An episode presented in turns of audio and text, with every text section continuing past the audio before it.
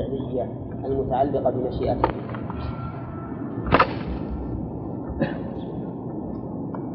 منين تؤخذ؟ حسين. لا يكلمون أن الكلام من صفات الله الفعلية المتعلقة بمشيئته.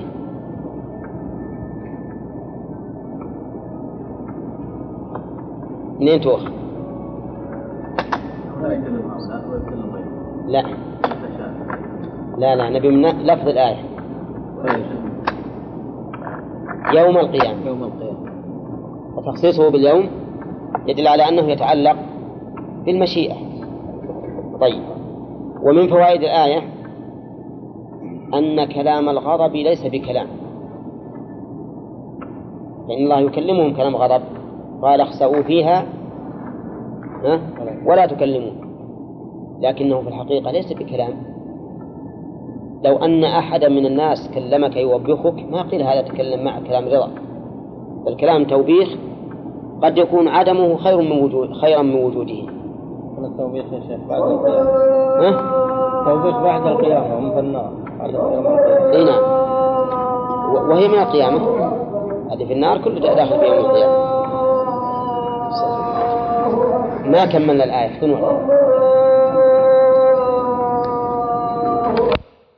الله من الكتاب ويشترون به ثمنا قليلا.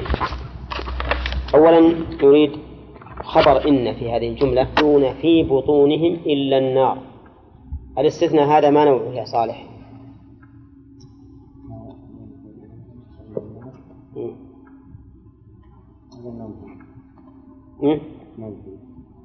ما نوع الاستثناء؟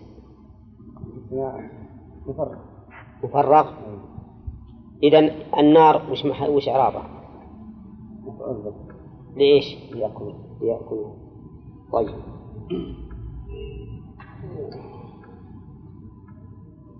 وقفنا على هذا أظن. كلها أجل نكمل الفوائد الآن يعني؟ ولا ناخذ اللي بعدها؟ لا اللي بعده اللي قبل. لا لا. لا على الفوائد باقي منها. إيه بس. إي نعم. من فوائد هذه الآية بالله من الشيطان نكتب الفوائد أجل. من فوائد هذه الآية إثبات يوم القيامة. لقوله تعالى ولا يكلمهم الله يوم القيامة. ومن فوائدها أن يوم القيامة يزكى فيه الإنسان. يزكى فيه الإنسان وذلك وذلك بالثناء القولي والفعلي فإن الله يقول لعبده المؤمن في ذنوبه سترتها عليك في الدنيا وأنا أغفرها لك اليوم. وأما الفعل فإن محل الثناء أنه يعطى كتابه بيمينه ويشهد الناس كلهم على أنه من المؤمنين وهذه تزكية بلا شك. ومن فوائد الآية الكريمة إثبات الجزاء لقوله ولهم عذاب. ومنها أن عذاب هؤلاء الكافرين الكافرين عذاب مؤلم. ألما نفسيا أو أو ألما جسمانيا؟ الجميع. لو لم يكن من الألم النفسي إلا أن الله يقول لهم اخسأوا فيها ولا تكلموا. هذا من أبلغ ما يكون والعياذ بالله من الألم النفسي. فإذا قال قائل كيف تجمعون بين هذه الآية الكريمة وبين قوله تعالى قد أفلح من زكاها وقد خاب من دساها.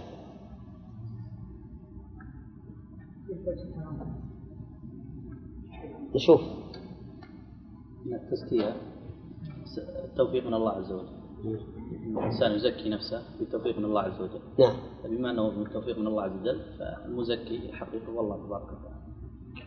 إيه. هو مزكاها أي فعل ما يزكيه. إيه أما فهو الله إيه مثل ما قال الله. سالم. نعم.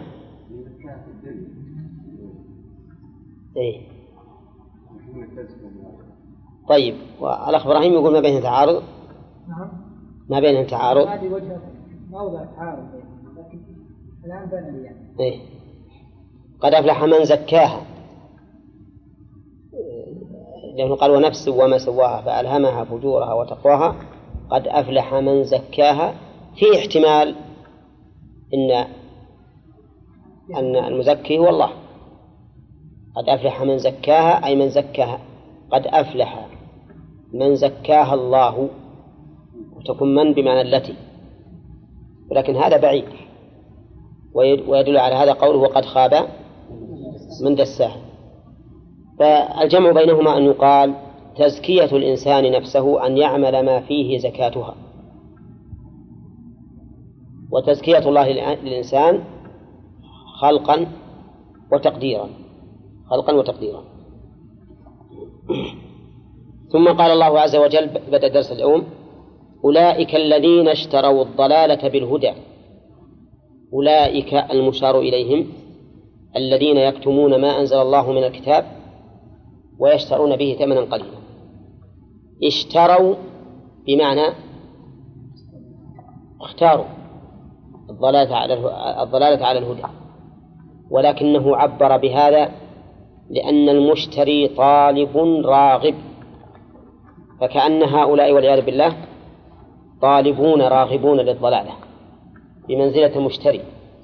الإنسان المشتري للسلعة معناه أنه طالب لها راغب فيها. وقولها الضلالة بالهدى. الضلالة هنا كتمان العلم فإنه ضلال.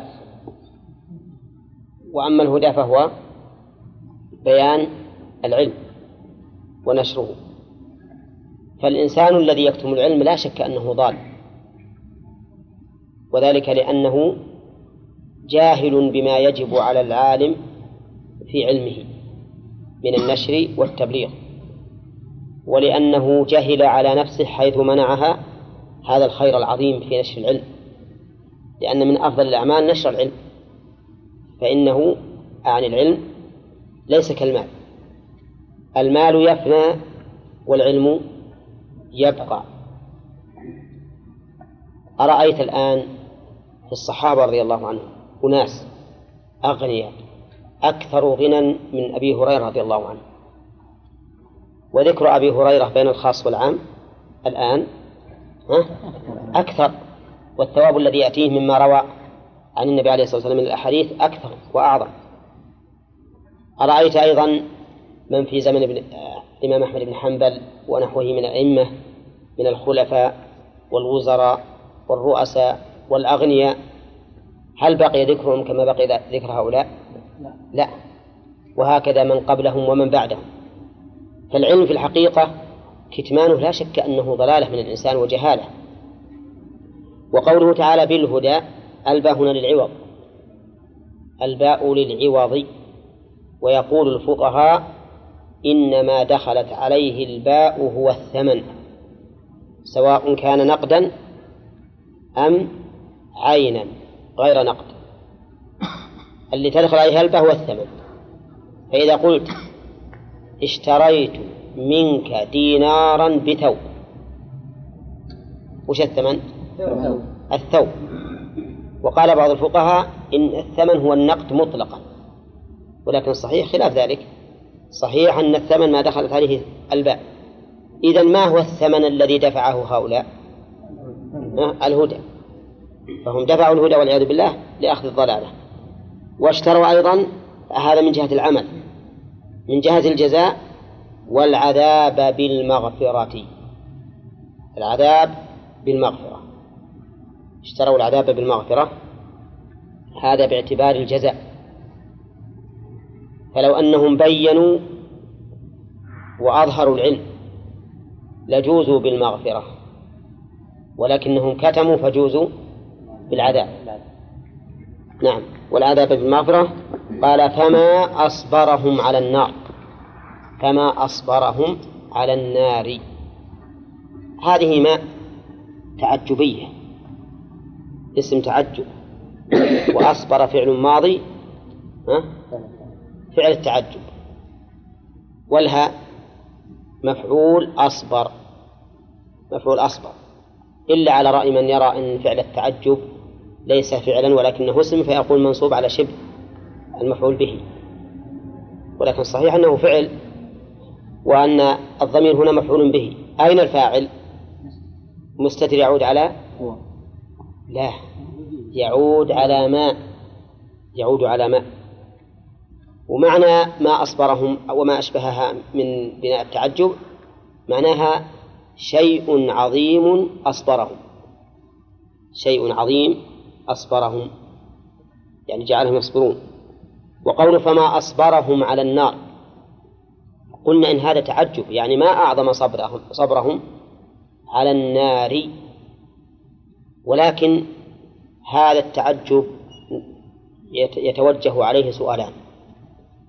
السؤال الأول هل هذا تعجب من الله أو تعجيب منه؟ يعني بمعنى هل إنه يرشدنا إلى إلى أن نتعجب وليس هو موصوفا بالعجب أو أنه من الله. هذه واحد. أي نعم نبي نبحث الشيء الثاني أن قوله فما أصبرهم يقتضي أنهم يصبرون ويتحملون مع أنهم لا يتحملون ولا يطيقون. ولهذا يقولون لخزنة جهنم ادعوا ربكم يخفف عنا يوما من العذاب. يخفف مو مو معناه يدفع العذاب نهائيا ولو تخفيف وله بدائم والعياذ بالله ولو يوما. يخفف عنا يوما من العذاب. ومن قال هكذا فليس بصابر. والذين يقولون يا مالك ليقضي علينا ربك ليهلكنا. صابرون؟ لا. الذي يتمنى الملا... الهلاك للخلاص مما هو فيه ما صبر أليس كذلك؟ إذا كيف يقول ما أصبرهم؟ يقول نعم هذا هذان سؤالان أما الجواب عن السؤال الأول وهو هل هو تعجب أو تعجيب فقد اختلف فيه المفسرون فمنهم من رأى أنه تعجب من الله عز وجل لأن المتكلم به هو الله والكلام ينسب إلى من تكلم به. ولا ولا مانع من ذلك. لا عقلا ولا سمعا. أي لا مانع يمنع من أن الله تعالى يتعجب. يتعجب. وقد ثبت لله العجب في الكتاب والسنة. فقال الله تعالى في القرآن بل عجبت ويسخرون. بل عجبت. قراءة السبعية. بل عجبت ويسخرون. وهذه قراءة السبعية. نعم. ثابتة عن النبي عليه الصلاة والسلام. وهي في القرآن. والت هنا فاعل يعود على من؟ على الله عز وجل على المتكلم. وأما السنة فإنها في القرآن في الحديث الصحيح عن النبي عليه الصلاة والسلام أنه قال عجب ربنا من قنوط عباده وقرب غيره. عجب ربنا من قنوط عباده. وعلى هذا فالعجب لله ثابت بالكتاب والسنة. فلا مانع من أن الله يتعجب من صبرهم. لا مانع من هذا. فإذا قال قائل العجب يدل على أن المتعجب مباغة بما تعجب به أو منه بما تعجب منه. وهذا يستلزم أن لا يكون عالما بالأمر من قبل. فالجواب أن هذا ليس هو السبب الوحيد في التعجب. قد يكون التعجب صحيح قد يكون التعجب لهذا السبب الذي قيل إن الإنسان أو المتعجب يباغت بالأمر وهو لا يدري عنه أولا. لكن قد يكون التعجب سببه خروج هذا الأمر عما ينبغي أن يكون عليه أو عن نظائره أو ما أشبه ذلك. وليس المعنى أنه بغت وبهت هذا الذي تعجب بل لأنه خارج عن نظائره أو عما ينبغي أن يكون عليه لا لأنه من أجل خفاء السبب. لا لأنه من أجل خفاء السبب. وهو بهذا المعنى قريب من معنى التوبيخ. قريب من معنى التوبيخ واللوم. أما القول الثاني فإنهم يقولون إن إن معنى ما أصبرهم التعجيب. يعني يقولوا ما أصبرهم وتعجبوا من صبرهم على النار. وهذا ذهب إليه من ينكر صفة التعجب لله. من من أهل التأويل الذين ينكرون مثل هذه الصفات لله عز وجل. ولكنه هذا القول كما مر علينا كثيرا قول ضعيف قول ضعيف جدا ولا يلتفت إليه لأنه خلاف ما كان عليه السلف الصالح رحمهم الله من إجراء نصوص صفات صفات الله عز وجل على ظاهرها اللائق بالله. وقد تقدم لنا هذا كثيرا وبينا أن النصوص في صفات الله ليست نصوصا مطلقة بل هي نصوص مضافة إلى إلى من؟ إلى الله فتكون لائقة به كغيرها من من من الصفات كل صفة تضاف إلى موصوف فإنها لائقة به حتى ما أضيف إلى المخلوقات ليست الصفة المضافة إلى هذا النوع من المخلوقات كالصفة المضافة إلى هذا النوع من المخلوقات. أولى. نعم. طيب. بل إنه أبلغ من ذلك ليست الصفة المضافة إلى شخص ما من بني آدم كالصفة المضافة إلى شخص آخر. تقول مثلا هذا الرجل تصدق بمال كثير وهو فقير. يمكن يكون هذا المال الكثير كم من ريال بالنسبة له؟ خمسين ريال. لكن تقول لمن يملك ملايين. خمسمائة ألف مثلا. الحاصل أن الصفة بحسب ما تضاف إليه. فصفات الخالق جل وعلا تليق به ولا يمكن أن نتصور أنها تماثل صفات المخلوقين حتى نحتاج إلى تأويلها. طيب إذا القول الراجح على هذا إيش؟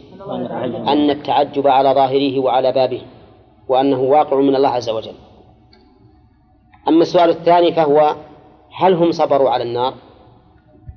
فكيف يتعجب من صبرهم؟ قال أهل العلم إنهم لما صبروا على ما كان سببا لها من كتمان العلم. صار كأنهم صبروا عليها. صار كأنهم صبروا عليها مثل ما يقال للرجل الذي يفعل أشياء ينتقد فيها. يقال له ما أصبرك على لوم الناس عليك. مع أنه ربما أنه ما لوموه أصلا لكن فعل ما يقتضي اللوم.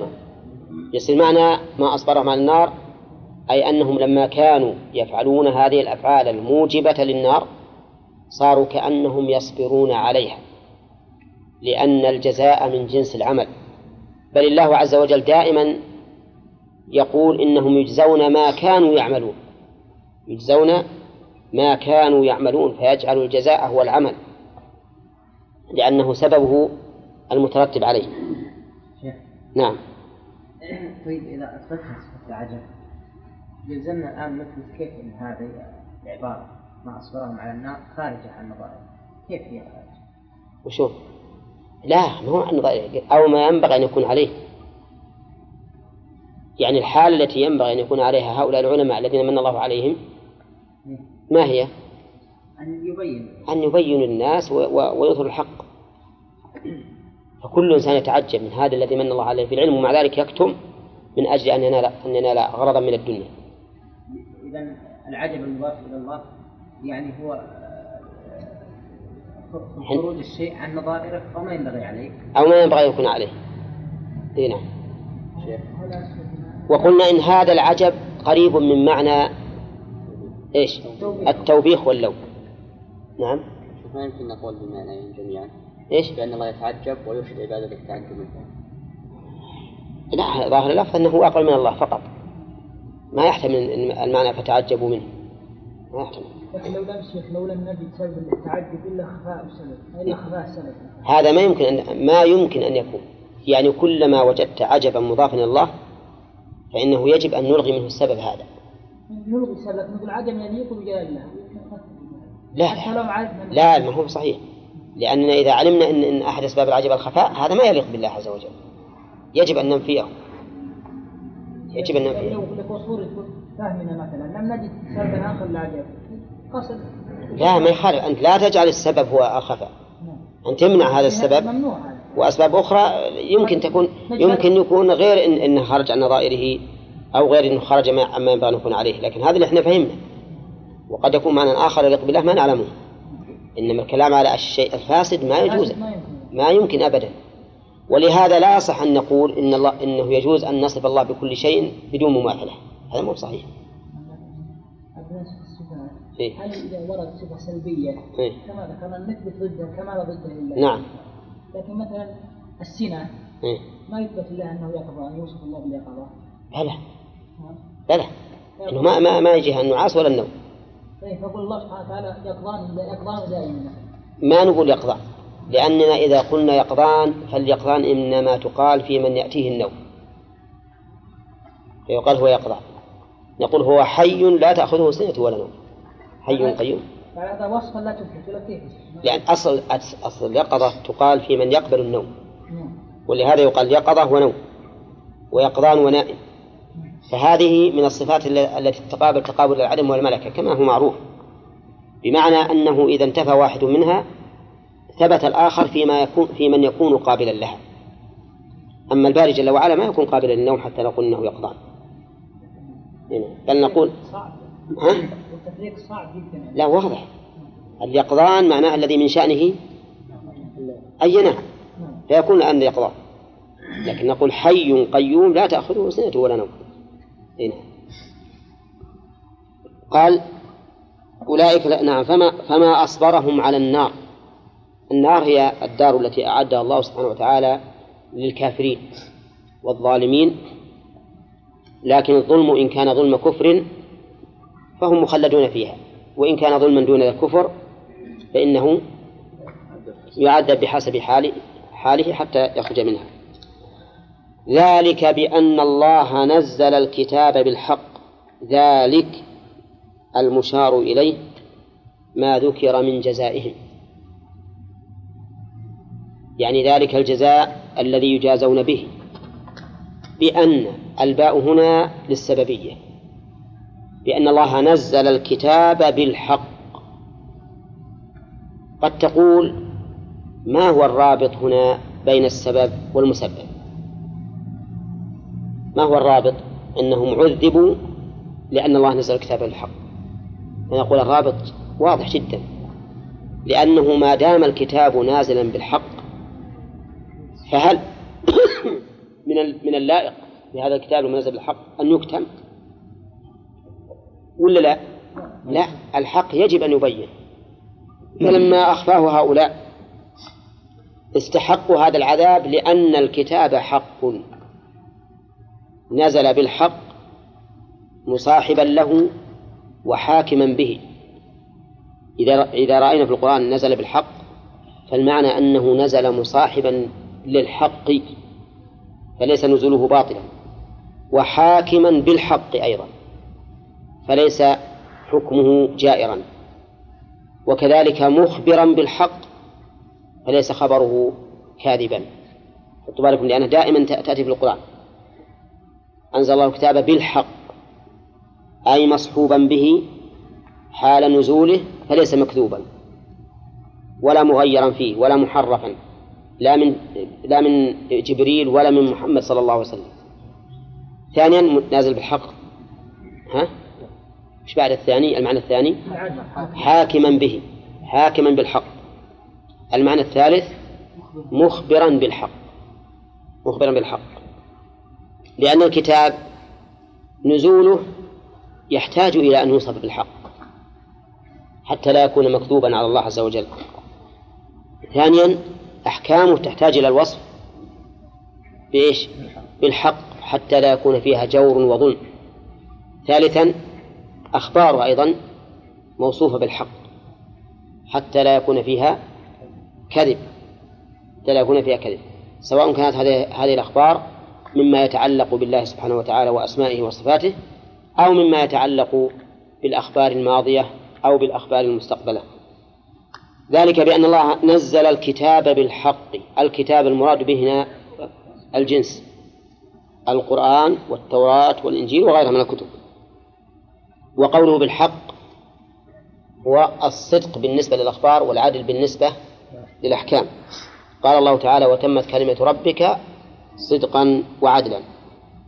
وإن الذين اختلفوا يشكل على بعض الطلبة وإن مع أنه معطوف على بأن. وكان مقتضى العطف أن يقال وأن الذين وأن الذين اختلفوا. هذه استئناف استئنافية ها؟ استئنافية يبدأ إيه. بالكسر. والواو والواو للتأسيس مات. واو استئنافية ها؟ لا شيخ. طيب. آه. لأنها في موضع الحال. إيه. طيب. لا مو هذا. هي معطوفة. هي معطوفة لكن لكن فيه مانع يمنع منه. فيه وجود سبب الآن ولكن كل الأشياء ما تتم إلا بوجود أسباب وانتفاء المانع نعم. وهنا فيه مانع يمنع من الفتح. تكون سببية إذا قلنا لو فتح. لا. ترى جوابه باللام. نعم صح. خبرها خبر اقتران خبرها باللام. نعم. هو اللي يمنع من الفتح. حتى إنك تقول علمت إن زيدا لقائم. وتقول علمت أن زيدا قائم. شف. علمت إن زيدا لقائم. أولى. يجب الكسر. لوجود اللام المانع من الفتح في خبرها. وإن الذين اختلفوا في الكتاب لفي شقاق بعيد. اختلفوا فيه. ما نوع هذا الاختلاف؟ اختلفوا فيه بأن قال بعضهم إنه حق وقال بعضهم إنه باطل. وقول الله في شقاق بعيد الشقاق النزاع. وسمي الشقاق النزاع شقاقا لأن كل من المتنازعين في شق. هذا في شق وهذا في شق.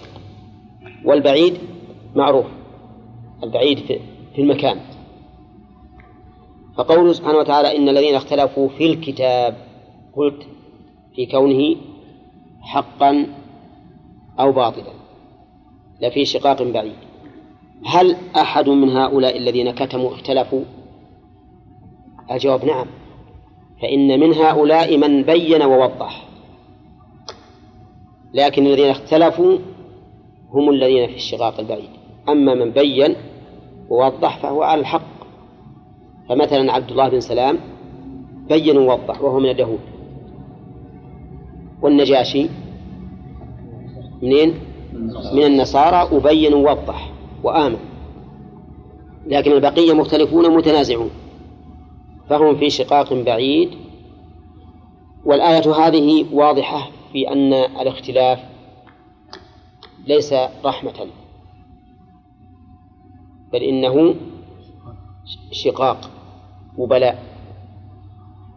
وبه نعرف أن ما يروى عن النبي عليه الصلاة والسلام أنه قال اختلاف أمتي رحمة لا صحة له ولا يصح وليس الاختلاف برحمة.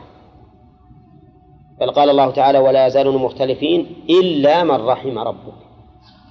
فإنهم ليسوا مختلفين. نعم الاختلاف رحمة بمعنى أن من خالف الحق لاجتهاد فإن الله تعالى رحمه بإيش؟ بالعفو عنه. بالعفو عنه إذا أخطأ. وجعل له أجرا. هذا صحيح. وأما أن يقال أن الاختلاف رحمة كان معناه يجب علينا كلنا الآن أننا نسعى إلى الاختلاف. نعم؟ لأنه هو سبب الرحمة على على زعم هذا المروي فالصواب أن الخلاف شر. لكن رحمة الله تعالى وسعت المختلفين. بمعنى أن من خالف باجتهاد فإن رحمة الله تعالى تسعه نعم. في ولذلك خلقه. نعم. يقول ما خلقوا للاختلاف إيه. وبعضهم قال خلقوا الاختلاف في الآيات التي بعدها.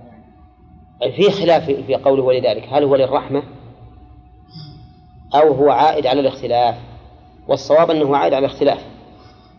لقوله تعالى هو الذي خلقكم فمنكم كافر ومنكم مؤمن. لكن المرحومون الذين رحموا متفقون على الحق. الذين رحموا متفقون على الحق. ولكن اختلاف العلماء من عهود الصحابة نعم. إلى عهدنا هذا وكثرة حتى في المذهب الواحد يختلفون العلماء كثيرا. نعم. هل هو رحمة بالنسبة للعوام لعامة الناس أو لا؟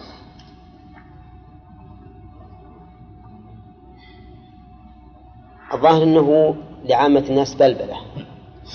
مشكلة صعب بلبلة. لكن بالنسبة للمجتهد إذا أخطأ. وأما العامي فإن تتبع الرخص هو حرام عليه كما هو معروف. إذا تتبع الرخص وقال والله أنا بأخذ بالأسهل من المذاهب أو من الأقوال هذا ما يجوز لأنه اتبع هواه بس مشكلة يا شيخ نقول يعني إنه من عهد الصحابة إلى الآن نعم. ولا عصر يعني خلى من الخلاف ونقول إنه شر نعم لكن هذا الخلاف اللي حصل بالنسبة للمختلفين ما اختلفوا في الواقع لأن الهدف واحد وهو الوصول إلى الحق أنا مثلا عندما أخالفك في مسألة وأنا أعرف أنك رجل مخلص وناصح وتريد الحق. ما أعتقد أنك خالفتني الآن صحيح لأن الهدف واحد الخلاف خلاف الأهوى اللي يريد الإنسان أن يتعصب لهواه هو لأهل العلم واضح إيه. لكن أنا سؤالي للعوام نعم. لعامة الناس. عامة الناس بارك الله فيك عامة الناس يسألون أهل العلم إيه نعم. يسألون أهل- وكل يسأل من يثق به من, من عصر الصحابة إلى اليوم. كل يسأل من يثق به وحينئذ يكون مطمئنا إلى قوله فلا يبقى شرطا عليه. إيه لأن. لا لأن القول أمامه واحد. القول أمامه واحد. حتى العلماء قالوا لو اختلف عليه الشخصان في الفتوى ولم يترجح عنده أحدهما يخير. خلنا بضرب المثال الذي يوضح كلامي لأنه نعم. يعني واحد عندنا يسأل عالم هنا. نعم. عن حكم مثلا الوضوء من لحم الإبل. نعم. وهو يفتي فيفتي يقول توضأ من لحم الإبل. نعم. لكن لا بد أن يكون هذا مثل ما قال الله عز وجل هو الذي خلقكم فمنكم كافر ومنكم مؤمن.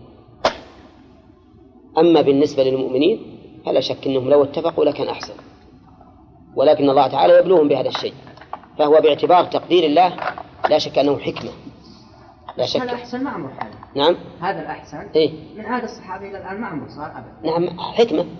ونقول بالنسبة لتقدير الله حكمة لا شك. لا شك. ولهذا مسائل الإجماع يطمئن الإنسان إليها أكثر ويرتاح لها أكثر من مسائل الخلاف. نعم. عندك سؤال أظن؟ أنا كنت بجيب عن آه، الوجه الذي ذكرت آخر شيء. إيه. نعم. أقول هو هذا خاص في اليهود والنصارى ولا في من غيره؟ الظاهر أنه كل من خالف الحق عنادا واستكبارا ولهوى فهو داخل في الآية. سواء اليهود والنصارى أو غيرهم. فيه مثلا من هذه الأمة من خالف الحق عنادا. مثل كثير من رؤساء المبتدعة تبين لهم الحق وعرفوه ولكنهم عاندوا والعياذ بالله وأصروا. فهم في شقاق بعيد. نعم. ذكرت في الجملة الثانية معطوفة على شو المعنى؟ هل هو من السبب؟ نعم. هل تكون من السبب ذلك بأن الله نزل نعم. نعم من السبب الوجه الوجه أنه لما إن عذابهم هذا بسبب شقاقهم البعيد ثم قال الله تعالى ليس البر شيخ فوائد ها نقف على هذا فوائد وراء أقول وقف نقف على السبب ثم يعني إيه. ناخذ الفوائد طيب ماشي.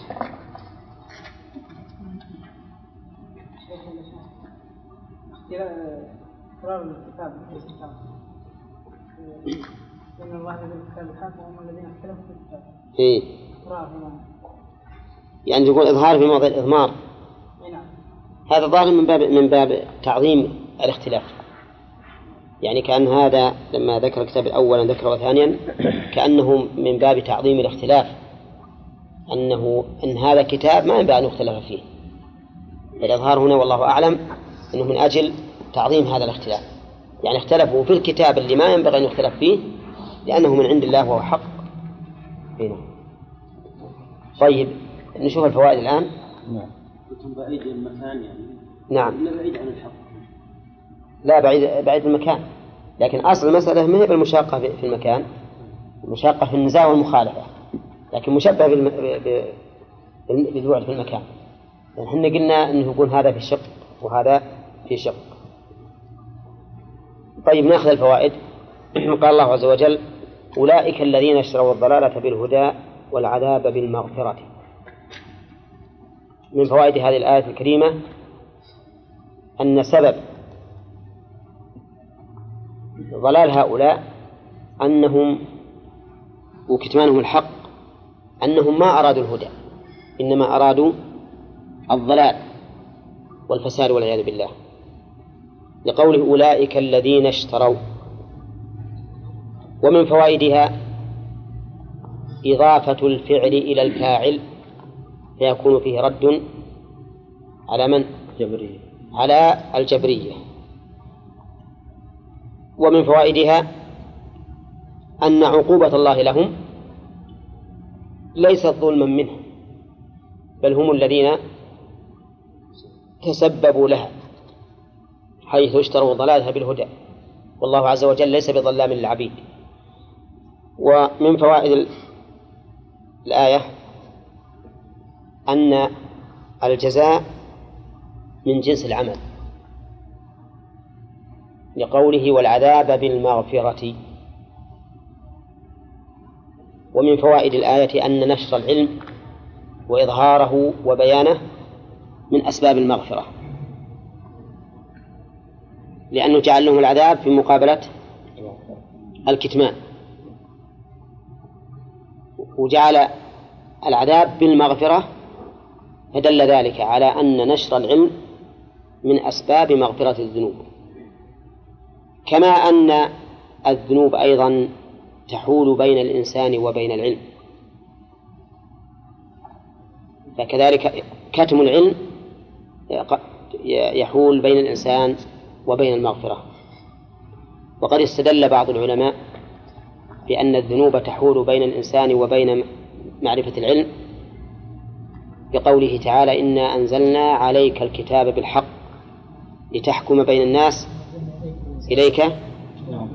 إليك. إليك كتاب الحق لتحكم بين الناس بما أراك الله ولا تكن للخائنين خصيما واستغفر الله. إن الله كان غفورا رحيما فقال لتحكم ثم قال واستغفر. فدل هذا على أن الاستغفار من أسباب فتح العلم وهو ظاهر لأن القلوب والعياذ بالله رين على لأن الذنوب رين على القلوب. كلا بل ران على قلوبهم ما كانوا يكسبون. فإذا كانت رينا عليها فإن الاستغفار يمحو هذا الرين وتبقى القلوب نيرة. مدركة واعية.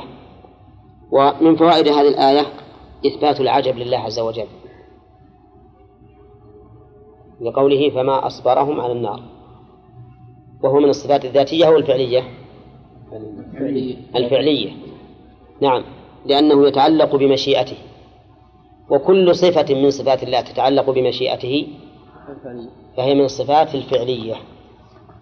فإذا قال لنا قائل ما هو دليلكم على أن العجب يتعلق بمشيئته؟ قلنا دليلنا على ذلك أن له سببا. وكل ما له سبب فإنه متعلق بالمشيئة لأن وقوع السبب بمشيئة الله. فيكون ما تفرع عنه كذلك بمشيئة الله. ومن فوائد الآية توبيخ هؤلاء الذين يكتمون ما أنزل الله. لقوله فما أصبرهم على النار. وكان الأجدر بهم أن يتخذوا وقاية من النار لا وسيلة إليها. ومن فوائد الآية إثبات العلل. ترى اللي بعده ذلك بأن الله أنزل الكتاب الحق.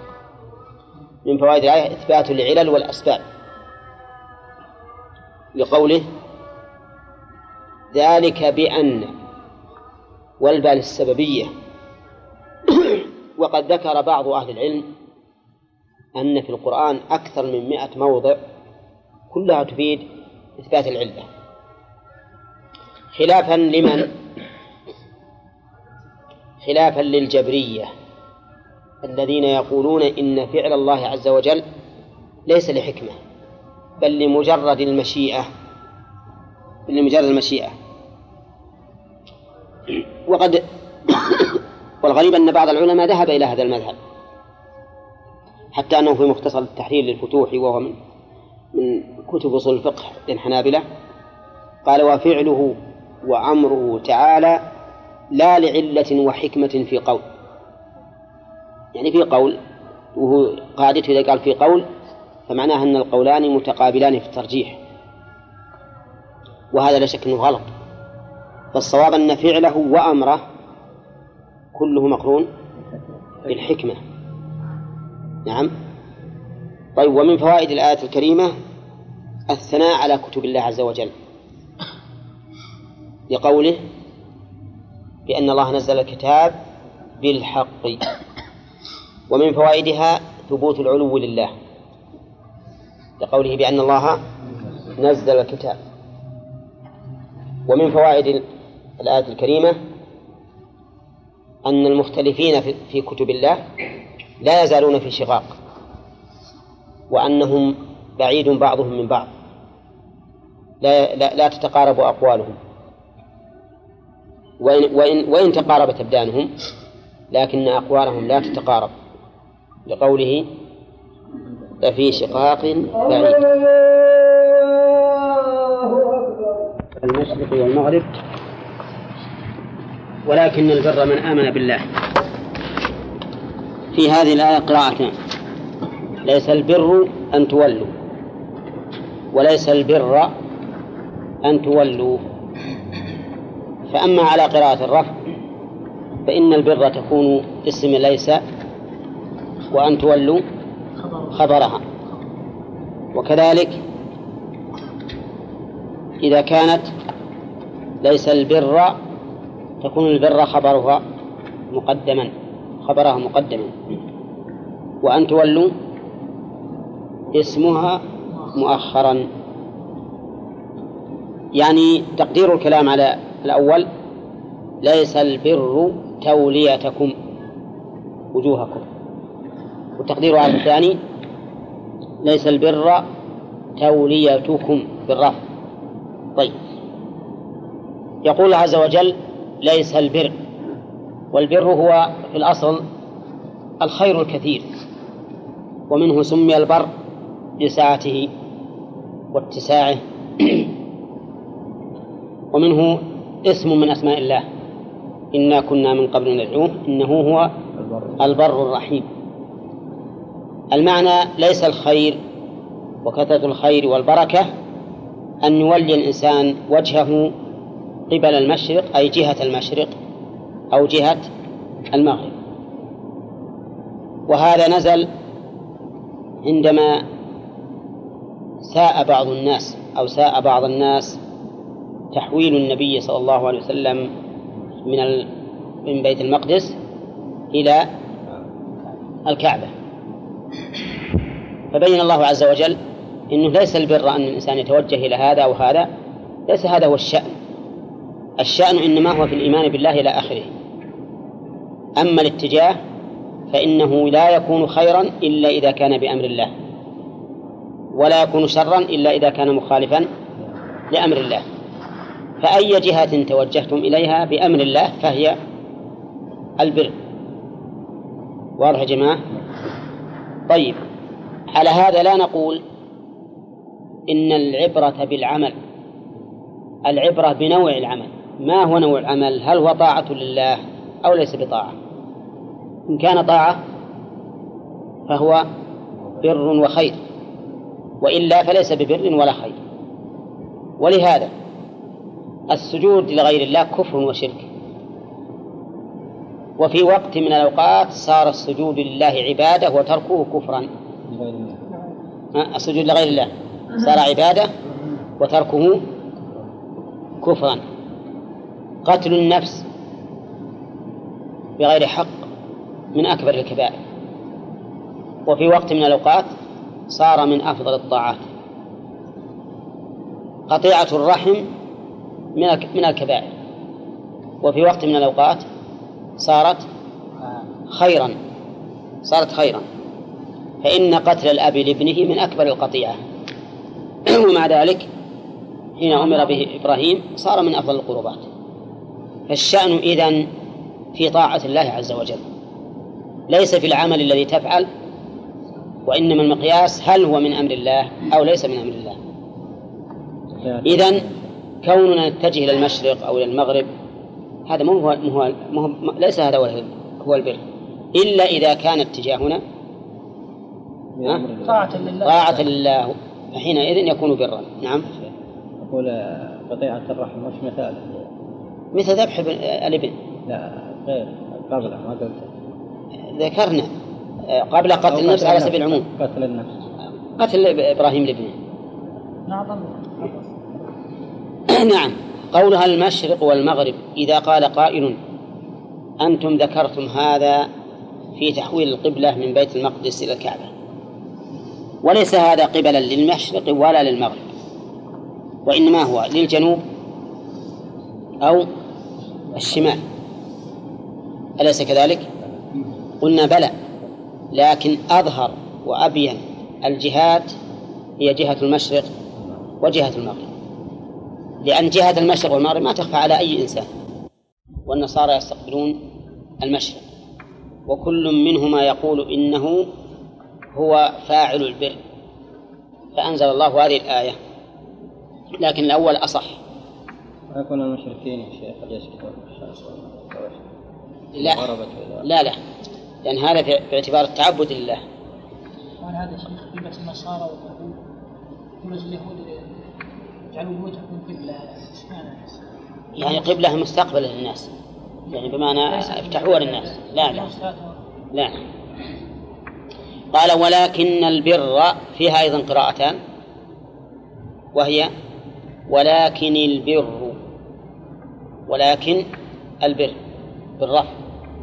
وعلى هذا فتكون لكن عاطفة غير عاملة. والقراءة التي في المصحف ولكن البر من آمن بالله فتكون عاملة. قول ولكن البر من آمن بالله؟ البر من آمن. كلنا يعرف أن البر عمل. البر عمل. ومن آمن عامل. ومن آمن ومن آمن عامل. فكيف يصح أن يكون العامل خبرا عن العمل؟ في هذا وجهان. الوجه الأول أن الآية على تقدير مضاف. وتقديره ولكن البر بر من آمن بالله واليوم الآخر. خذوا بالكم ثانيا أن أن الآية على سبيل المبالغة ولا فيها تقدير مضاف.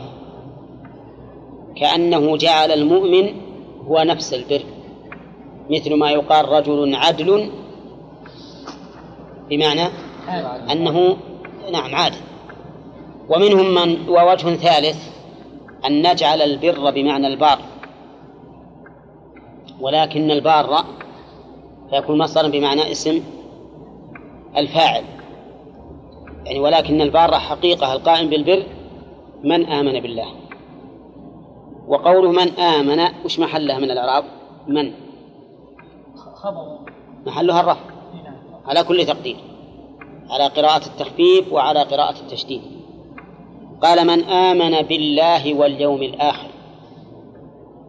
آمن به. تقدم أن الإيمان في اللغة بمعنى التصديق. لكنه إذا قرن بالباء صار تصديقا متضمنا للطمأنينة. متضمنا للطمأنينة والثبات والقرار. فليس مجرد تصديق. لو كانت. لو كان بمعنى التصديق المطلق لكان يقال آمنه أي صدقه.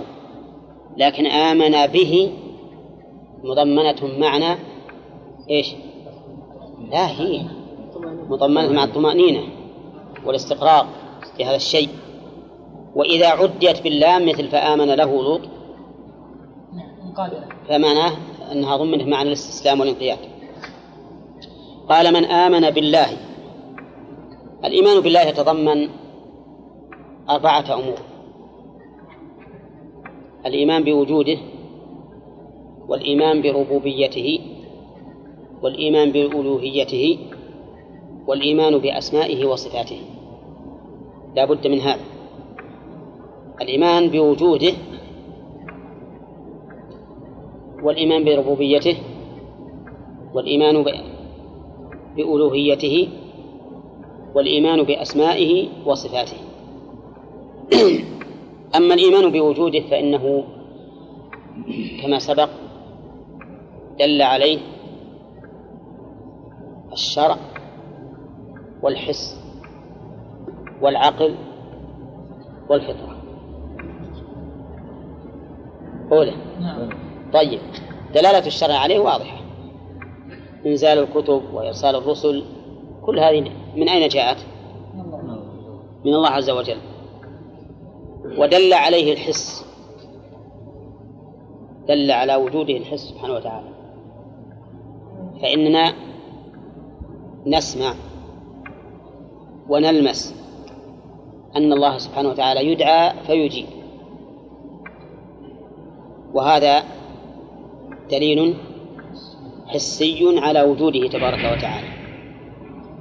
كما في سورة الأنبياء وغيرها ونوحا إذ نادى من قبل فاستجبنا له وأيوب إذ نادى ربه أني مسني الضر فاستجبنا له. إلى آخر كثير. وهذا أيضا شيء يلمسه الإنسان بنفسه أنه يدعو الله عز وجل بجلب خير له أو دفع شر عنه فيحس بذلك. أما دلالة العقل على وجود الله عز وجل فما هو؟ لا بد من مصنوع نعم. ولا له. نعم ما من حادث إلا وله محدث كما قال الله عز وجل أم خلقوا من غير شيء أم هم الخالقون. هذا الكون العظيم بما فيه من النظام والتغيرات والأحداث. لا بد أن يكون له موجد محدث يحدث هذه الأشياء وهو الله عز وجل. وإلى هذا الدليل أشار الله بقوله أم خلقوا من غير شيء أم هم الخالقون. ودل على وجوده الفطرة. فإن الإنسان لو ترك وفطرته لكان مؤمنا بإيش؟ بالله. والدليل على هذا قوله تعالى تسبح له السماوات السبع والأرض ومن فيهن وإن من شيء إلا يسبح بحمده. حتى غير الإنسان مفطور على أنه يعرف الرب عز وجل. ثانيا الإيمان بربوبيته. وهذا فرع عن الإيمان بوجوده يعني ليس مجرد وجود الله عز وجل بل هو رب سبحانه وتعالى يحكم في عباده بما يشاء كونا وشرعا كونا وشرعا. الأحكام الكونية هي ما ما يتعلق بالإيجاد والخلق والأحكام الشرعية ما يتعلق بالتنظيم والسن يعني يسن لعباده سننا ويشرع لهم شرائع. هذه أحكام شرعية. فمسألة الأحكام متعلقة بتوحيد الربوبية لا بتوحيد الألوهية. لأن الأحكام كما لأن الرب معناه هو الذي يتصرف في عباده كما يشاء خلقا وحكما. فله الخلق والأمر. كما قال الله تعالى ألا له الخلق والأمر. أما الإيمان بألوهيته فهو أن تعتقد أنه لا إله في الوجود يستحق أن يعبد سوى سوى الله عز وجل. كل الآلهة التي تعبد من دونه من أنبياء وملائكة وأولياء وأشجار وأحجار ونجوم وشمس وقمر كلها باطلة. ذلك بأن الله الحق وأن ما يدعون من دونه الباطل. و... و... في قراءة آيتين نعم. ففيه آه، أن الله سبحانه وتعالى هو الإله الحق ولا يكفي كما يفعله كثير من المؤلفين المعاصرين في تقرير التوحيد وكذلك المتقدمون. لا يكفي أن نقرر التوحيد بتوحيد الربوبية. المتكلمون يقولون الإله هو القادر على الاختراع. ولو كان هذا معنى لا إله إلا الله لكان المشركون موحدين. لأن المشركين لا ينسى ولا ينسى من خلقهم. لا يقول الله. ولكن الألوهية غير. الألوهية تتعلق بالعبادة. بمعنى أنه لا أحد يعبد بحق سوى الله عز وجل. أما الإيمان بأسمائه وصفاته فهو أيضا من تمام الإيمان بالله عز وجل. تؤمن بكل اسم سمى الله به نفسه وتؤمن بكل صفة وصف الله بها نفسه. ولا تستنكر أو تشمئز من صفة أثبتها الله لنفسه أو أثبتها له رسوله صلى الله عليه وسلم. نعم فإنها حق.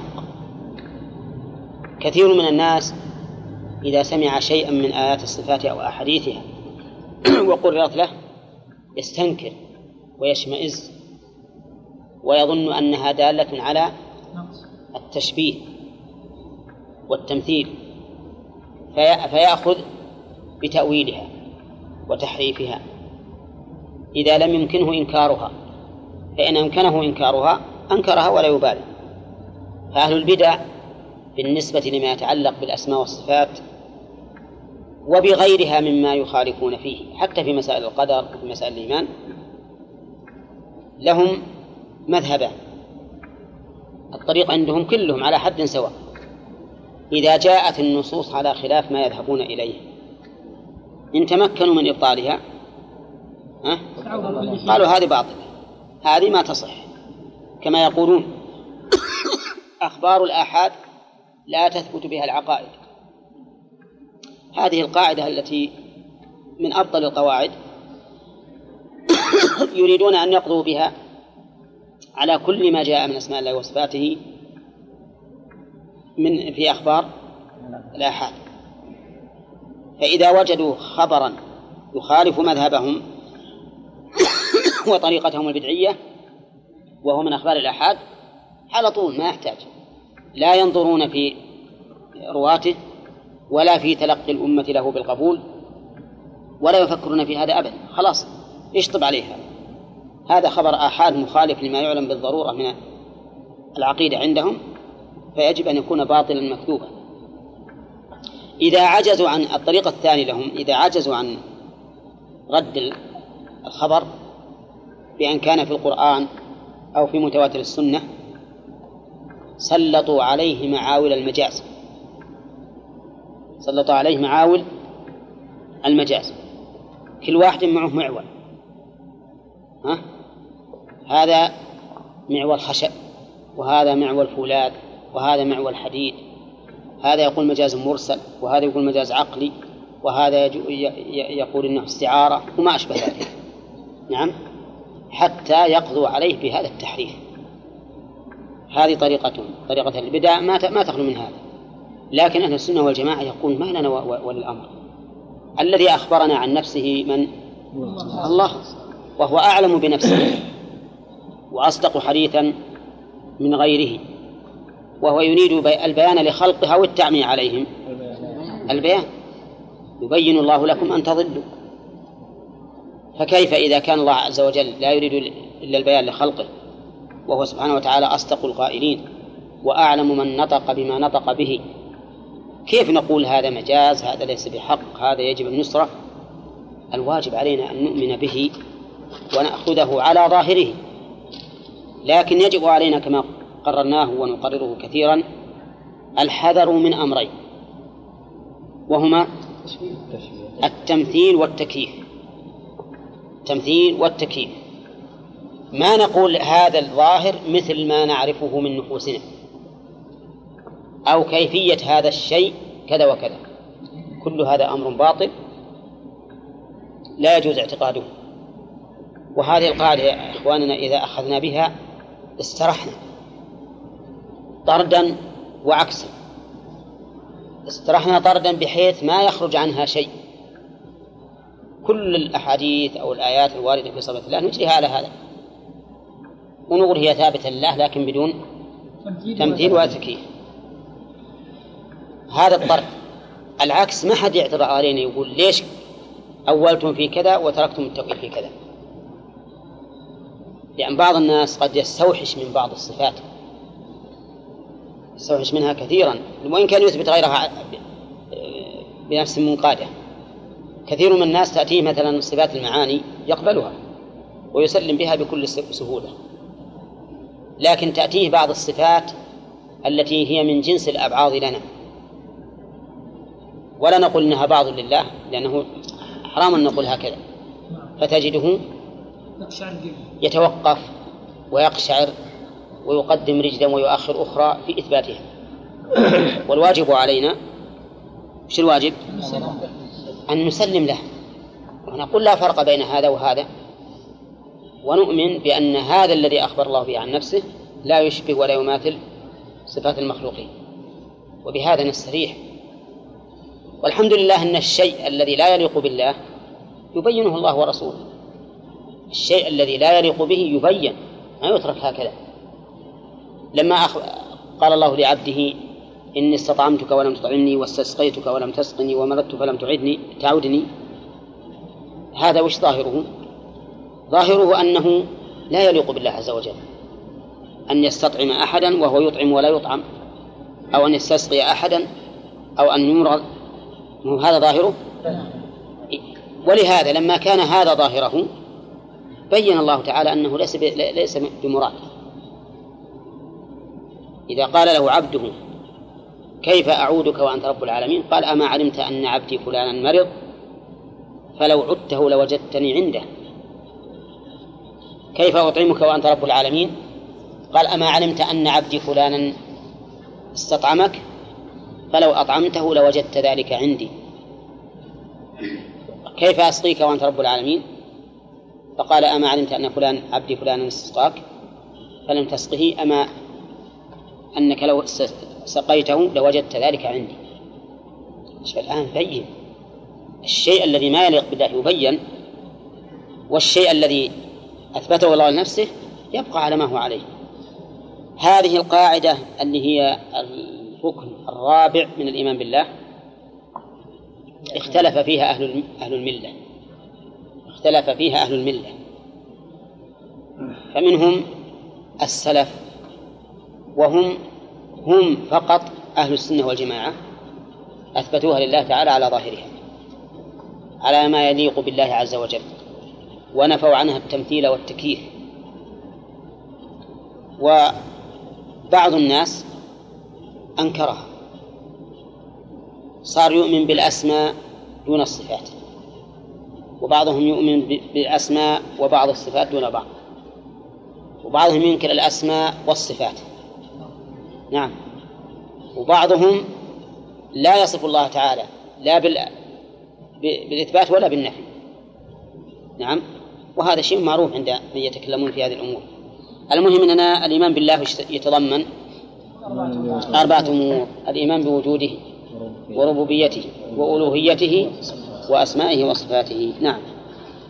الثاني واليوم الآخر. يؤمن بالله واليوم الآخر. اليوم الآخر هو يوم القيامة. وسمي آخرا لأنه ليس بعده يوم. إذ هو يوم مستمر.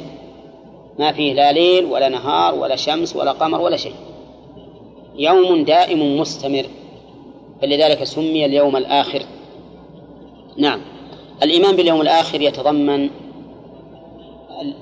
الإيمان بكل ما أخبر به النبي عليه الصلاة والسلام مما يكون بعد الموت. كما قال شيخ الإسلام في العقيدة الواسطية. يتضمن الإيمان بكل ما أخبر به النبي صلى الله عليه وسلم مما يكون بعد الموت. فيدخل في ذلك فتنة القبر.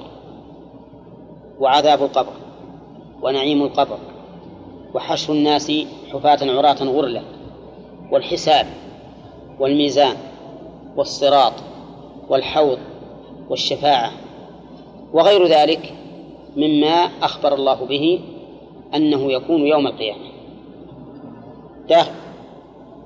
داخل في هذا. كل ما أخبر الله به مما يكون بعد الموت فإنه داخل في الإيمان باليوم الآخر. والإيمان باليوم الآخر كما يتضمن ذلك فإن كل من آمن بالشيء استعد له. ولا لا؟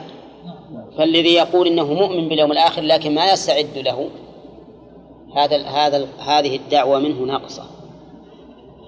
ناقصة. ومقدار نقصها بمقدار ما خالف في الاستعداد له. خدوا بالكم؟ نعم. طيب. كما أنه لو قيل. لو قيل مثلا إنه سينزل اليوم مطر نعم فظلل الحب إنسان عنده حب قمح.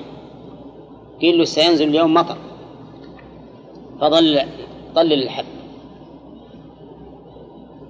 معلوم إن اللي ما اللي مو مؤمن بهذا الكلام؟ ما هو مغطي. كذلك لو قيل سيأتي اليوم عدو فشدد في الحراسة. إذا إذا آمن بأنه سيجي عدو الإمكانيات شدد في الحراسة بجميع ما يمكن.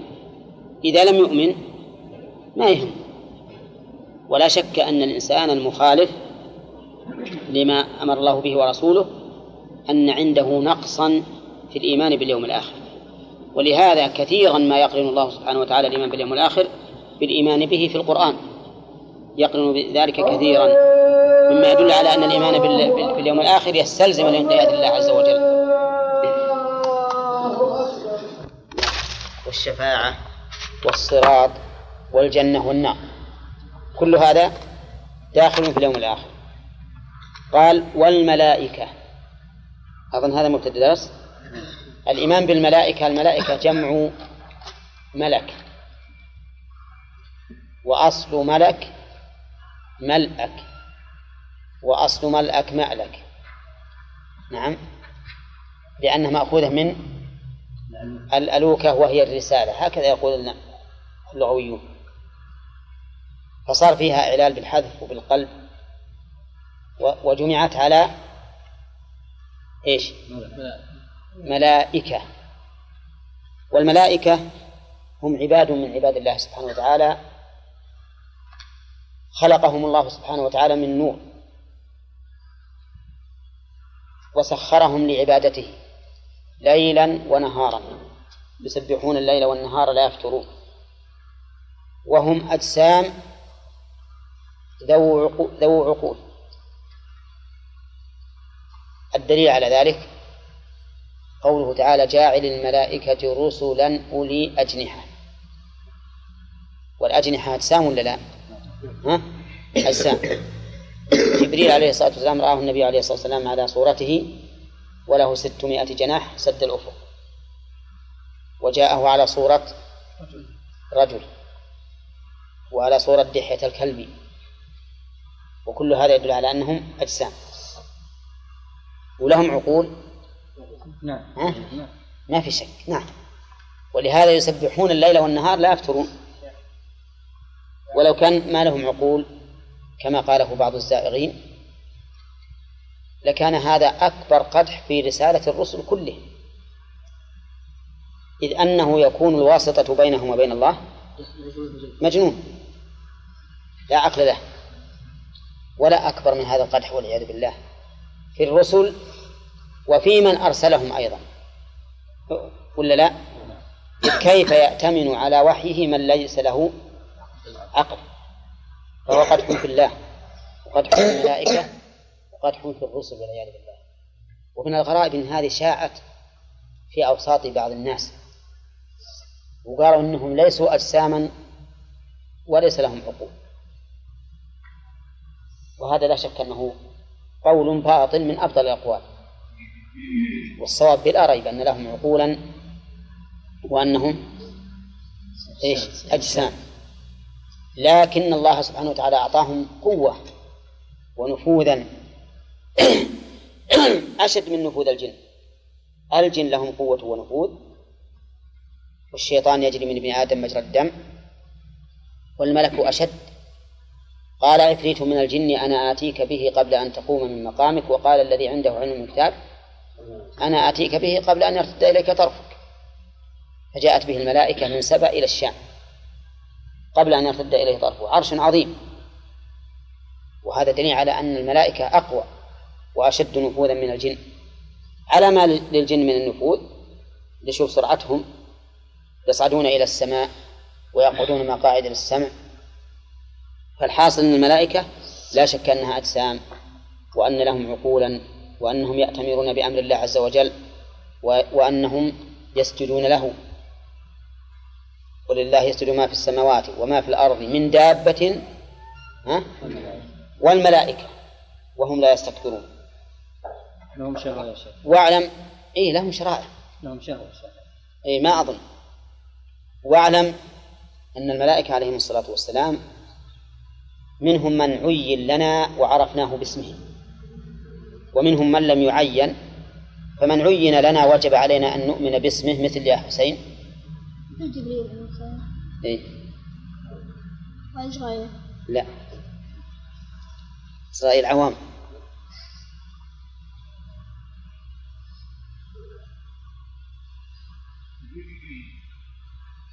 صحيح إسرافيل. إيش بعد؟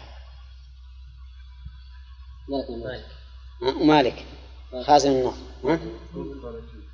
ومنكر مكيد إن صح الحديث بهذا اللفظ. فيه نظر. شيخ ها؟ ما ميكال ميكال ولا ميكائيل إيه هو ميكال هو هو ميكائيل نفسه مالك لا لا. مالك خازن النار ملك الموت وملك الموت لكن ما نعرف اسمه. بعض الناس يقول إسرائيل ولكن ما صح هذا نعم. نعم. هاروت وماروت لا. أيه نعم. وما زعم ملكين هاروت وماروت صح. صحيح. نعم. تقول مالك يا شيخ هو خازن. النار نعم. وليس هو ميكال. نعم. ورد في حديث أن الرسول صلى الله عليه وسلم سأل جبريل ما لي لا أرى ميكال يضحك. زي كذا. إيه. تأكد. كأنه لم يضحك قط. تأكد. أقول تأكد منه تأكد منه. مفهوم هذا. طيب ألا علمناه باسمه؟ يجب علينا أن نؤمن به باسمه. ثم كذلك أعمالهم منها من علمنا منهم من علمنا أعماله ومنهم من لم نعلم. لكن علينا أن نؤمن على سبيل الإطلاق بأنهم عباد مكرمون ممتثلون لأمر الله عز وجل. طيب هل لهم نصيب من تدبير الخلق بغير إذن الله؟ لا. لكن بإذن الله نعم.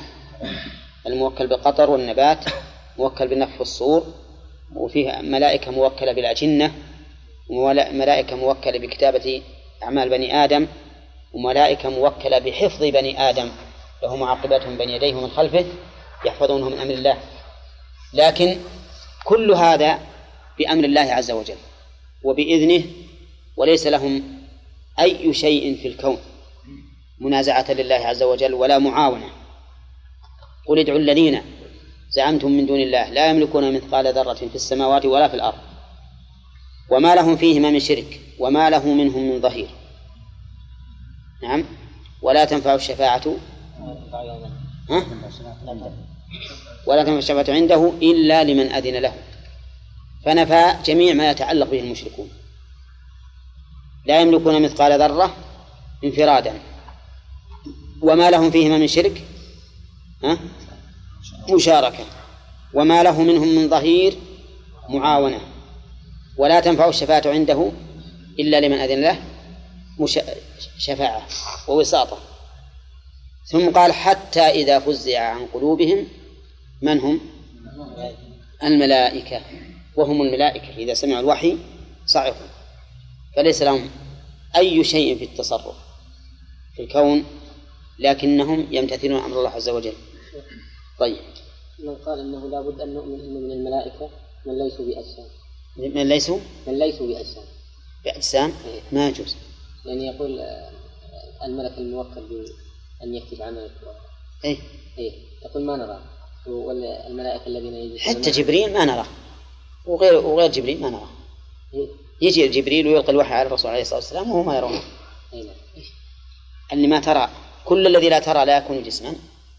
لا نقول ممكن أن لا ما نقول ممكن. وكل الملائكة كلهم أجسام. ما يمكن أن يتحولوا عن صورتهم لا يمكن بإذن الله يتحولون. هذا جبريل تحول إلى صورة إنسان يعني ممكن أن يتحولون يكونون ليسوا بإذن الله. بإذن الله. إيه. ما أدري ما أدري, ما أدري عن هذه لكن ما أظن يمكن. لأنه الملائكة الذين يكونون معنا أي نعم. ليسوا ما هو. بلازم تشاهدهم. الآن الجن أجسام يأكلون ويشربون ويبولون. نعم. ويبولون بإذن اللي ما يقوم يصلي الفجر. نعم. نعم. ومع ذلك تشوفهم؟ نقول أجسام حسية ولا أجسام حسية. لكن ما تشوفه الآن فيما بين أيدينا كما يقول الأطباء يقول في هذا منتنا الجو منتن جراثيم وما جراثيم وأشياء ما عاد إيه صدقهم ولا نكذبهم لا هذا نراه بأعيننا إي لكن بس هل ترى بالعين المجردة؟ لو جعلت ثقب الشمس يدخل في غرفة مظلمة؟ لا ما, ما هم ذولا هم هذا الجراثيم هذا. هذا المهم على كل حال إنهم هم محجوبين عنه. الرسول صلى الله عليه وسلم خرج من عند الذين من عند قريش. وهم قريش. يشوفون وجعلنا من بين أيديهم سدا ومن خلفهم سدا فأغشيناهم فهم لا يبصرون. بس إذا قالوا يا شيخ أن الجسم لابد أن يكون محسوس. يقول مه- نعم نقول هو محسوس لكن ما- يلزم من كونه محسوسا أن نشاهده. إذا يكون ما يكون جسم. الحمد لله سبحان الله. يمكن يصير جسم لكن ما نراه. الله على كل شيء قدير. قول يا شيخ قعيد ما يدل على انه جسم نعم. قعيد يعني قاعد. ما بالشك ما هو أدلة واضحة واضحة جدا. ما في إشكال. ولا أيضا يعني ربما يشكل علينا قول الرسول صلى الله عليه وسلم يجري من ابن آدم مجرى الدم أكثر من من أنه مثلا عندنا ولا نشاهده. وكيف يدخل في الإنسان يجري منه مجرى الدم وهو ما يحس به؟ ولكن يجب علينا نصدق.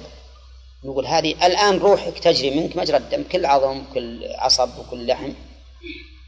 وتنزع منك عند الموت ومع ذلك تشوفه ولا لا؟ ما ها؟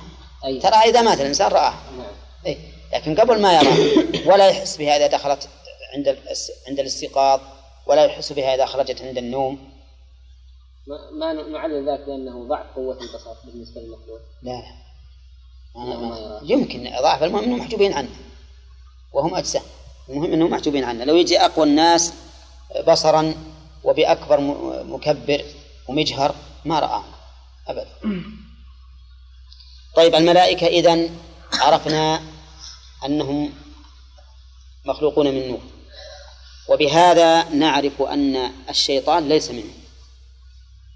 لأن الشيطان خلق من نار لا من نور بنص القرآن والسنة وإجماع المسلمين. قال الله تعالى عن إبليس إنه قال لربه أنا خير منه خلقتني من نار وخلقته من طين وقال الله عز وجل والجان خلقناه من قبل من نار السموم. وأخبر النبي عليه الصلاة والسلام أن الملائكة خلقت من نور وأن الجن خلقوا من نا- من نار وأن آدم خلق مما وصف لنا من التراب.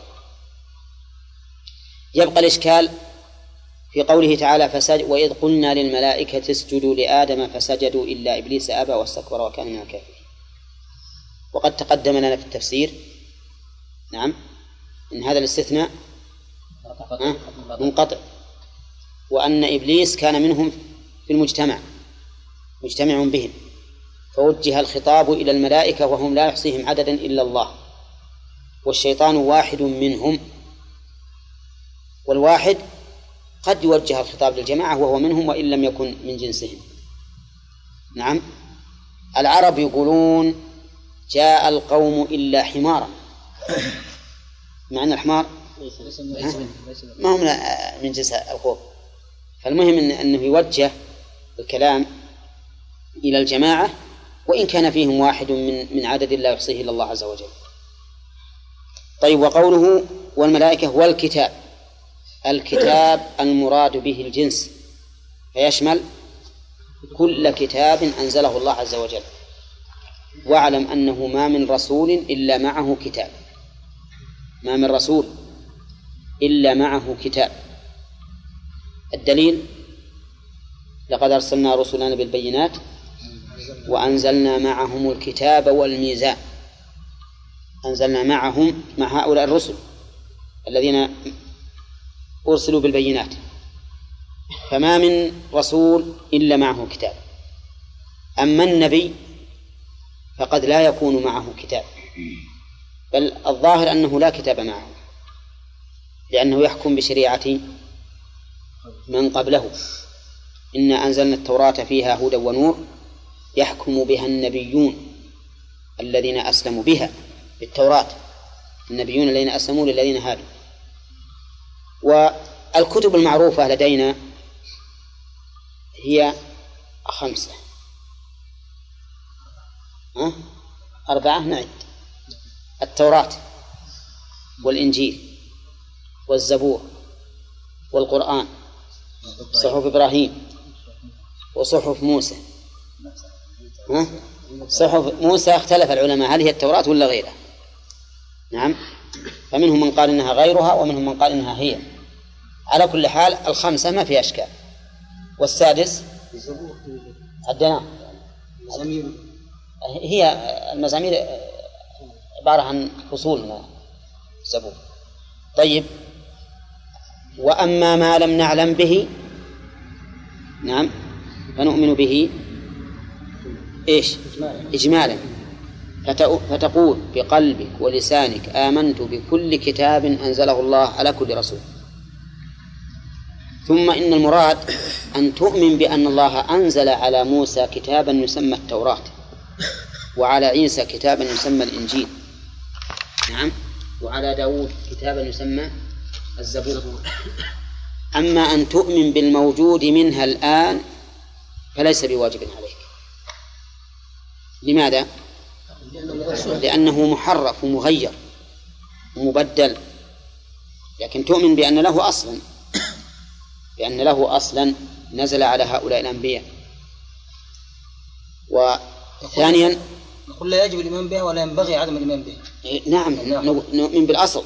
لا لكن التي هي الآن. الآن نعم. الآن نؤمن ما ما يجب علينا الإيمان بها ولكننا نؤمن بأن لها أصلا. أما بكل ما فيها لا. فيها تحريف. ولهذا قلنا إننا نؤمن بأن الله أنزل على موسى كتابا يسمى التوراة. أما التوراة التي في أيدي اليهود الآن فإنها محرفة ومغيرة. ولا أصلها لا شك أنه حق. طيب هذا الإيمان بهذه الكتب هل يلزمنا العمل بما فيها؟ أو لكل جعلنا منكم شرعة ومنهاجا. ها؟ الثاني. الثاني هو الذي يجب على المؤمن. فنحن نؤمن بأنها حق وأن العمل بها واجب مفروض ما دامت رسالة النبي الذي أرسل بها باقية. فإذا نسخت بشريعة أخرى صار العمل للشريعة الثانية. ثم إذا نسخت الثانية صارت العمل بالثالثة وهكذا. ولهذا النصارى الآن بعضهم بعض وسطائهم يقولون أيما أول؟ يعني نحن يعني حصل لنا معهم محاضرة وأوردوا هذا السؤال. أيما أول؟ الإنجيل أو القرآن؟ وش الجواب؟ الإنجيل. لكن وش الغاية من هذا السؤال؟ يقولون إذن العمل على الأول. هذا وارد. العمل على الأول. قبل التوراة. نقول بكل بساطة. نعم مثل ما قلت. بكل بساطة. إذا قررتم هذه القاعدة فلا عمل أيضا بالإنجيل. العمل بالتوراة. وكذلك نرتقي. نعم إلى نصل إلى آدم. فالمهم على كل حال إن الأمر بالعكس في الحقيقة. أن المتأخر ناسخ للأول ولا عكس. اختلف أهل العلم رحمهم الله في ما جاء في هذه الكتب من الشرائع الصحيحة. إذا لم يرد شرعنا بخلافها.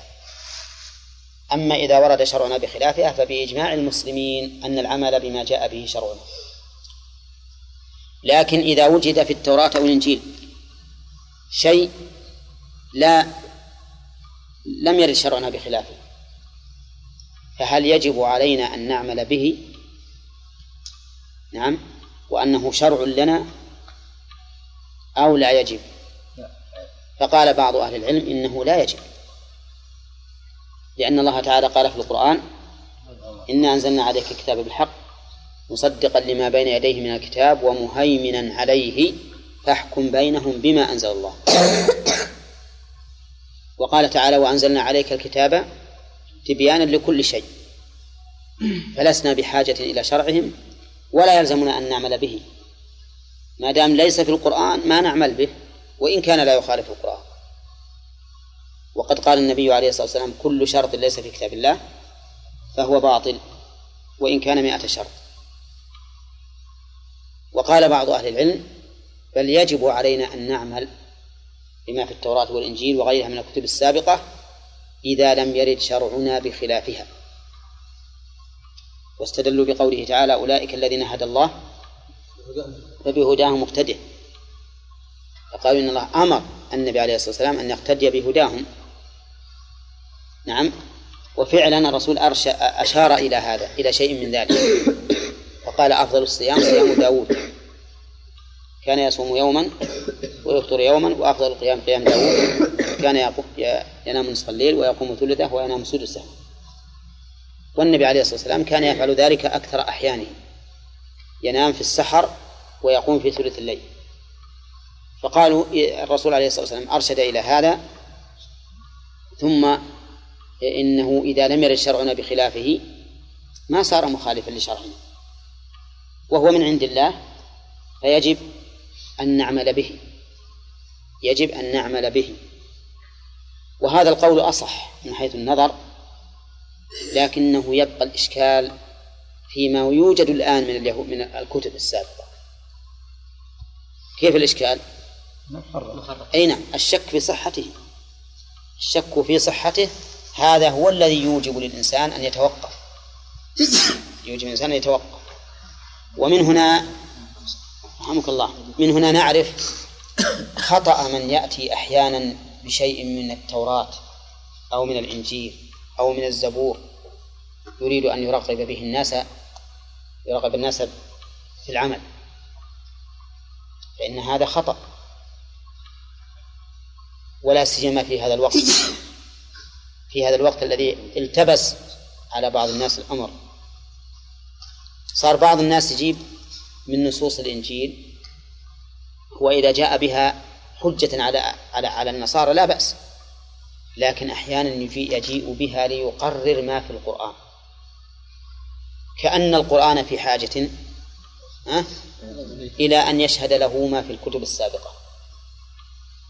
وليس بحاجة لا سيما عند عامة الناس. العلماء قد ينتفعون من هذا في الحقيقة ولا سيما في المناظرات مناظرات النصارى. لكن العامة ما ينبغي أبدا أن نجعل في قلوبهم إلا شيئا واحدا وهو القرآن والسنة طبعا لأنها من القرآن مبينة له ومفسرة. كوننا ندخل على العامة أشياء من هذا يلبس عليهم الأمر ويظنون أن هذا الأمر أو أن هذا الدين ما زال قائما دين غير المسلمين. وهذا خطره عظيم. وقد لمسنا خطره الآن. فأصبح بعض الناس يقولون إن الأديان ما هي إلا أفكار. كفكر أرسطاطلوس وغيرهم من من هؤلاء القوم والفلاسفة. أفكار وكل له فكره وكل له رأيه ولا ولا ينبغي أن ينكر على أحد. وهذا ترى شيء شيء علمنا به شيء علمنا به من هؤلاء الجهال. الذين ما عرفوا أن الدين الإسلامي دين من الله تعبدنا الله به وليس لنا فيه رأي. ولا لا؟ ها؟ هل هو فكر؟ لا. لا. شيء أنزله الله لعباده يتعبدون له به عقيدة وقولا وعملا. كل العباد. وليس وليس هناك مجال لاجتهاد يخالف هذا الدين. طيب الكتاب والنبيين. النبيين عليهم الصلاة والسلام يدخل فيهم الرسل هنا ولا لا؟ يدخل فيهم الرسل بلا شك. إنا أوحينا إليك كما أوحينا إلى نوح والنبيين من بعده إلى آخره. فعند الإطلاق إذا أطلق النبيون دخل فيهم الرسل. أما الرسل لا يدخل فيهم النبيون. قولها النبيين يشمل الرسل. وقد ورد في حديث صححه ابن حبان أن عدة الرسل ثلاثمائة وبضعة عشر رسولا وأن عدة الأنبياء مائة وأربعة وعشرون ألفا. نعم فإن صح الحديث فهو خبر معصوم يجب علينا الإيمان به. وإن لم يصح فإن الله يقول ولقد أرسلنا رسلا من قبلك منهم من قصصنا عليك ومنهم من لم نقصص عليك. ونحن لا نكلف الإيمان إلا بما بلغنا. الذين علمناهم من الرسل يجب علينا أن نؤمن بهم بأعيانهم.